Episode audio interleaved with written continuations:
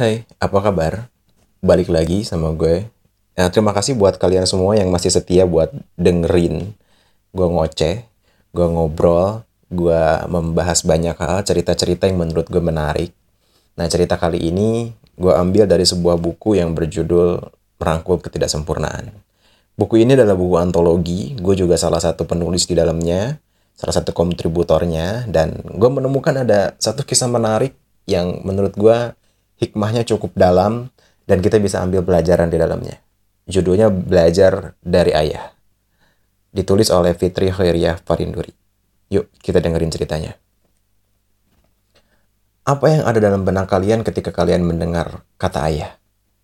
Aku ingin bercerita tentang sosok ayahku yang penuh perjuangan.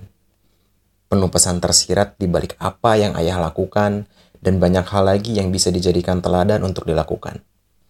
Ayahku kelahiran Tapanuli Selatan, Sumatera Utara. Sejak kecil, ayah tinggal di sebuah desa di Kelurahan Sayur Maincat, Kecamatan Kota Nopan, Kabupaten Mandailing Natal, Sumatera Utara. Ayah merupakan keturunan dari suku Mandailing. Marga yang dimiliki ayah adalah Parinduri, yang turun pada nama anak-anak ayah. Masa kecil ayah berbeda dengan masa kecilku, bahkan jauh berbeda. Ayah sering bercerita pada anak-anak ayah mengenai masa kecilnya di kampung yang susah. Bahkan, makan ikan asin merupakan makanan mewah pada masa itu. Ayah memang memiliki jiwa juang yang tinggi. Setelah lulus sekolah teknik menengah, ayah memutuskan untuk merantau ke pulau seberang. Walaupun ayah ditawari untuk menjadi pegawai desa, tetapi ayah menolak dan lebih memilih untuk merantau. Ayah ingin ber, ayah ingin berkembang di kota orang. Kota pertama yang ayah tuju adalah Jakarta. Hal yang pertama yang ayah lakukan adalah menjual pisau.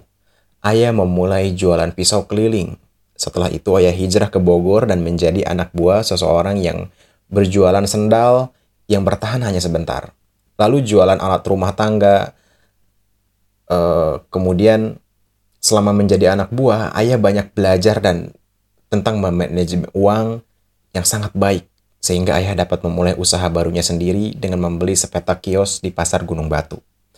Ayah menjual sembako, mulai dari eceran sampai grosiran, sampai akhirnya ayah memiliki banyak pegawai. Usaha ayah di kios tersebut semakin maju setelah ayah menikah dengan ibu. Rumah ayah dan ibu tidak begitu jauh, cukup dilalui dengan becak motor alias bentor dalam waktu 10 menit saja. Ayah dan ibu sama-sama suku Mandailing. Marga ibu adalah Nasution. Aku memanggil ibu dengan sebutan Uma, yang diambil dari bahasa suku Mandailing artinya ibu. Pastinya aku belajar dari Uma bagaimana mencari menjadi seorang istri yang selalu ada di samping suami ketika senang, susah, sedih, bingung, dan semuanya dilalui bersama-sama. Sejak dulu, ayah selalu memiliki target apa saja yang ingin dicapai. Ia sangat gigih dan bekerja keras untuk mendapatkan apa yang diinginkan. Pantang menyerah, itulah deskripsi untuk ayah. Pada masa itu, tunggangan ayah tidak hanya ibuku saja, tetapi juga empat anak perempuannya. Belum lagi adik-adiknya. Banyak tanggungan tidak membuat dia kehilangan semangat. Ayah sangat pintar melihat situasi pasar yang sedang diminati pembeli. Apa pun yang dicari pembeli, semua bisa diusahakan ada di kios. Tahun 2004, ayah dan ibu berhasil menunaikan rukun Islam yang terakhir, yaitu naik haji. Selain itu, orang tuaku juga dapat membangun rumah baru dari hasil jeripayahnya selama ini. Aku sangat bersyukur ayah benar-benar menaruh naik haji pada list pertama. Ketika ia sudah mampu, langsung menyegarakan untuk memenuhi panggilan Allah ke Baitullah dengan bonus dapat menaikkan haji nenekku Selain kegigihan ayah untuk memenuhi niat baiknya, terselip juga doa yang selalu ia panjatkan dan doa di seperempat malamnya Uma. Ayah selalu mengajarkanku untuk tidak pernah puas dengan apa yang kita capai. Tapi kita juga harus bersyukur dengan apa yang sudah kita dapatkan. Pencapaian selanjutnya sudah direncanakan. Usaha-usaha baru bermunculan. Selain kios yang ada di pasar, ayah membuka warung di rumah yang baru. Ketika kios di pasar sudah mulai sepi, akhirnya ia memutuskan untuk mengontrakkan kios dan memulai usaha angkutan kota atau angkot. Bogor memang dikenal sebagai kota angkot selain kota hujan. Angkot memang sedang berjaya pada masa itu. Belum ada angkutan online seperti sekarang. Selain angkot, ayah juga memulai usaha menjadi distributor gula merah. Tapi kedua usaha tersebut hanya bertahan beberapa tahun saja. Apakah dengan masalah tersebut ia berhenti berusaha? Jawabannya tidak. Ayah semakin menyadari kalau zaman semakin maju dan biaya sekolah semakin mahal. Walaupun ayah lulusan STM, sekarang eh, setara dengan sekolah menengah atas, tetapi ia sangat mementingkan pendidikan untuk anak-anaknya. Ayah dan Uma benar-benar memutar otak dan mencari peluang usaha apa yang dapat diusahakan pada masa itu. Akhirnya diputuskan untuk jualan sayuran dan sembako di rumah. Aku selalu terkagum dengan semangat semangat ayah terutama dalam pen, dalam pendidikan anak-anaknya. Niat tulus kedua orang tuaku untuk menyekolahkan anak-anaknya ini didengar oleh Allah yang Maha mendengar. Lewat usaha Lewat usaha sayur, ayah dan Uma dapat menyekolahkan anak-anaknya sampai S2. Kita mah, kalau ninggalin uang bakal habis. Tapi, kalau ilmu nggak bakal habis. Makanya pada disekolahin dah yang tinggi, supaya bisa bertahan nantinya. Kata-kata Uma ketika sedang berbincang dengan pembeli. Kalau boleh jujur nih, ayah selalu doain anak-anaknya tiga hal. Pertama, pendidikan kalian. Kedua, pekerjaan kalian ketiga jodoh kalian. Alhamdulillah, pertama sama kedua udah terkabul. Kalau ketiga itu tinggal kita serahin aja sama Allah. Karena ayah, kata ayah malam itu. Kebetulan sampai saat ini baru anak pertama yang sudah menikah dan memiliki dua orang anak. Aku belajar dari ayah yang tidak pernah mengeluh. Mulai dari perjuangannya selama ini dari nol dan kondisi kesehatan kesehatannya sendiri. Gaya hidup ayah pada masa muda memang kurang sehat Laki-laki yang saya yang sangat kukagumi itu sering konsumsi minuman berpemanis. Sekitar tahun 2007, ayah dinyatakan diabetes mellitus tipe 2. Meski kondisi kesehatannya tak lagi optimal, ia tetap menjalani hari-harinya dengan penuh semangat. Tahun 2017, terjadi komplikasi pada ginjal ayah yang dilihat dari hasil laboratorium. Setiap bulan harus rutin melakukan kontrol ke dokter spesialis. Kami berusaha untuk terus menyemangati ayah. Bahkan sampai konsultasi ke ahli gizi di rumah sakit untuk dapat mencegah semakin parahnya komplikasi lewat asupan diet yang benar. Tahun 2019, ayah dinyatakan harus melakukan cuci darah karena fungsi ginjal yang semakin kecil presentasinya. Hal tersebut merupakan pukulan yang luar biasa bagi ayah dan juga kami sekeluarga.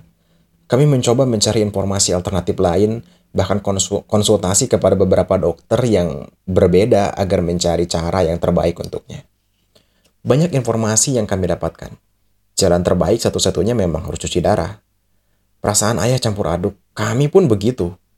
Tetapi kami berusaha menguatkan, meyakinkan, dan membuat ia percaya diri kembali. Sampai pada saat kondisi ayah benar-benar drop karena tidak nafsu makan, terasa mual, lemas, pusing.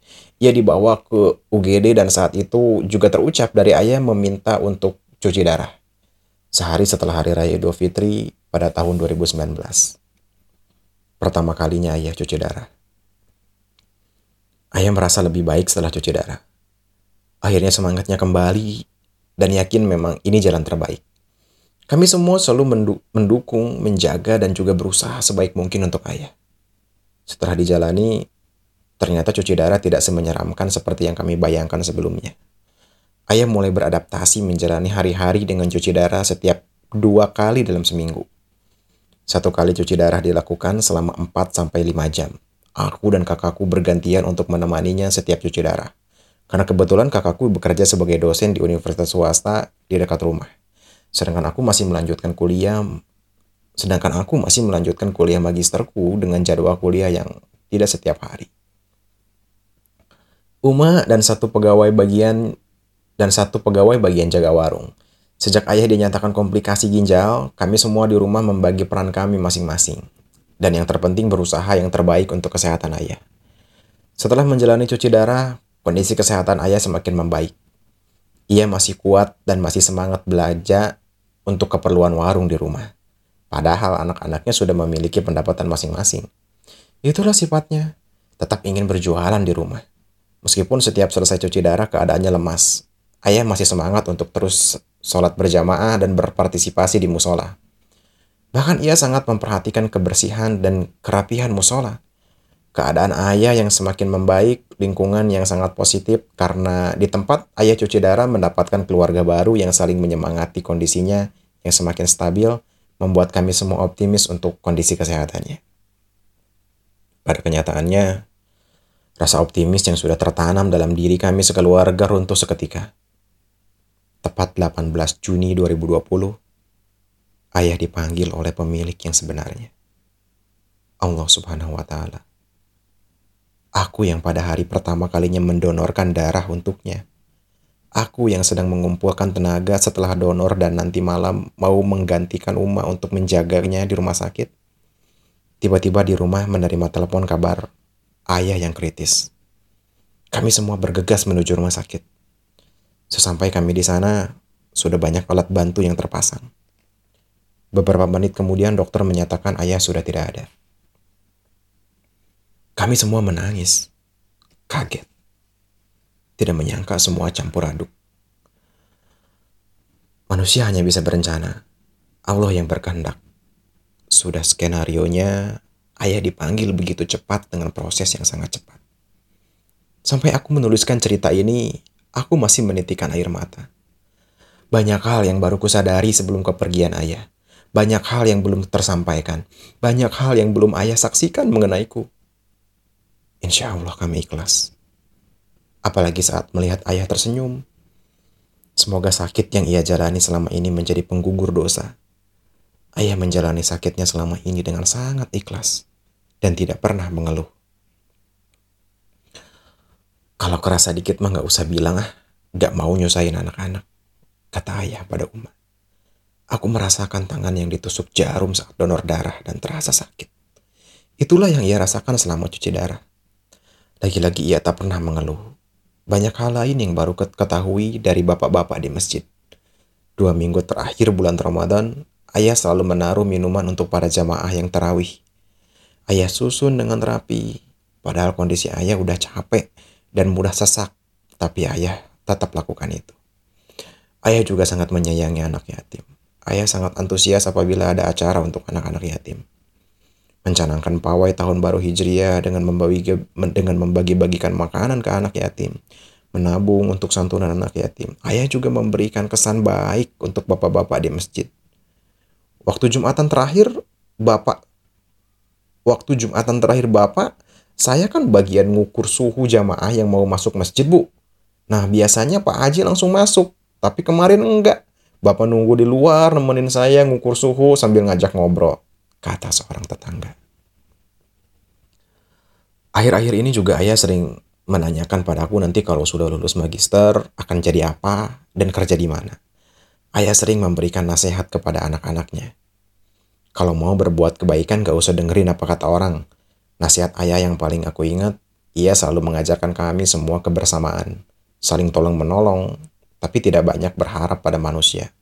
Ayah juga sering membantu, sering ayah juga sering membuat senang orang lain. Contohnya aku sering eksperimen masak dan ayah selalu komen enak.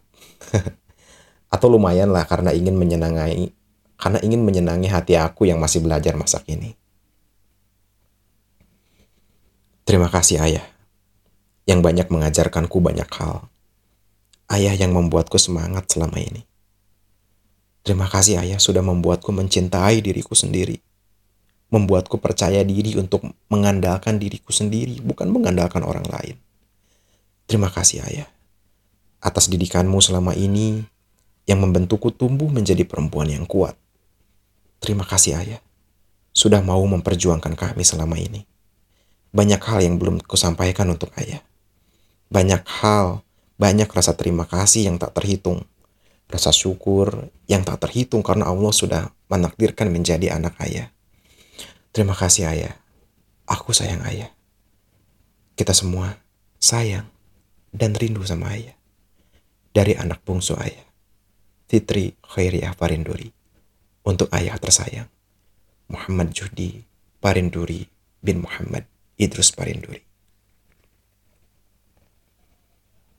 Jadi itu ceritanya teman-teman.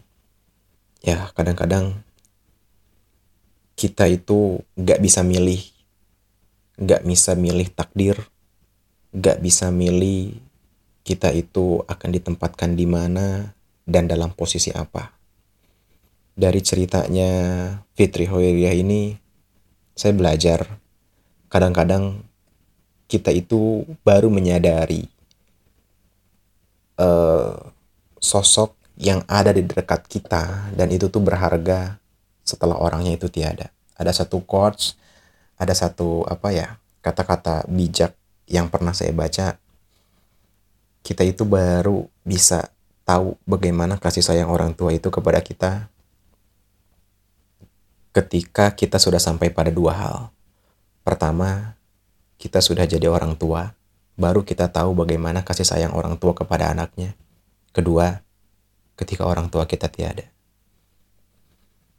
Pesan saya buat kalian semua yang dengerin podcast kali ini, sayangi orang tua kita. Ajak mereka ngobrol selagi masih ada kesempatan. Jangan sampai kita menyesal tidak melakukan banyak hal bersama orang tua, sibuk dengan diri sendiri, dan kita nggak pernah tahu kapan orang tua kita itu dipanggil oleh Yang Maha Kuasa. Podcast ini, nasihat ini cerita-cerita ini semata-mata adalah nasihat untuk diri saya sendiri. Terima kasih buat yang sudah mendengarkan sampai sejauh ini. Semoga bermanfaat. Thank you.